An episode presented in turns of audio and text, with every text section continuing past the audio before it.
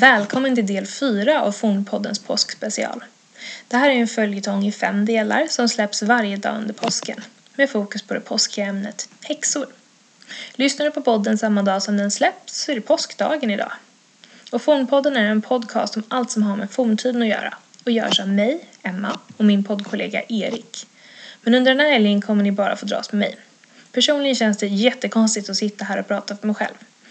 Jag som oftast brukar ha Erik och Tjabba med, eller en Tobbe som fnissar i bakgrunden. Men jag överlever, och det hoppas jag att ni gör också.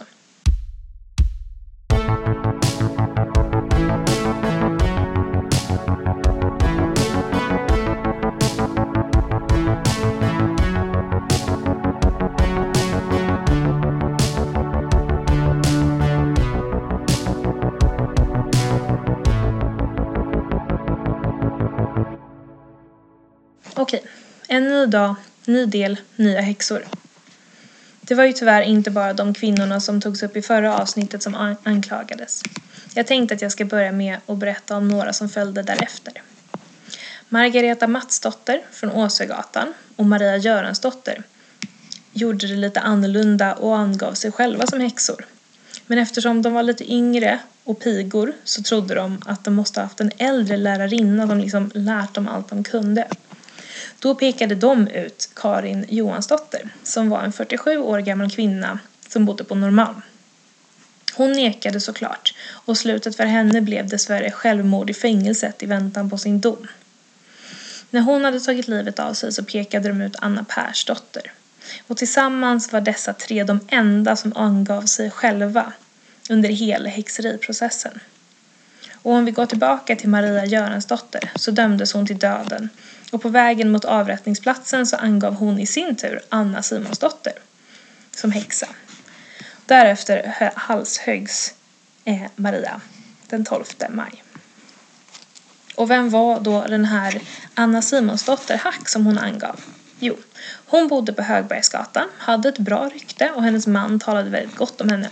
Men tydligen så levde hon, citat, ett stötande liv. Och vad tror ni att det är? Jo, det var att hennes man var ganska mycket äldre än henne, uppseendeväckande. Hon var även lite grälsjuk gentemot honom. Det här räcker tydligen gott och väl 1676. Tur att det inte är så idag. Hon var tillsammans med Malin Matsdotter de två sista kvinnorna som avrättades i häxprocessen i Katarina. De avrättades den 5 augusti. Anna blev dömd till hängning innan hon brändes och Malin, hon brändes levande på bål. Malin var den enda som faktiskt brändes levande, även om historien gärna berättar om fler. För det känns väl som den ganska typiska bilden man har av häxor, att de bränns levande på bål. Fruktansvärt. Men innan vi knyter ihop den här delen så tänkte jag bara lite snabbt nämna tre platser på Södermalm där häxorna sades samlas för att åka till Blåkulla. Vi har kvarteret Häcklefjäll. Det ligger nordväst om Katarina kyrka. Vi har Beijers trädgård som idag heter Paulis Malmgård. Och sen en plats som ligger i slätten ner mot Hammarby sjö.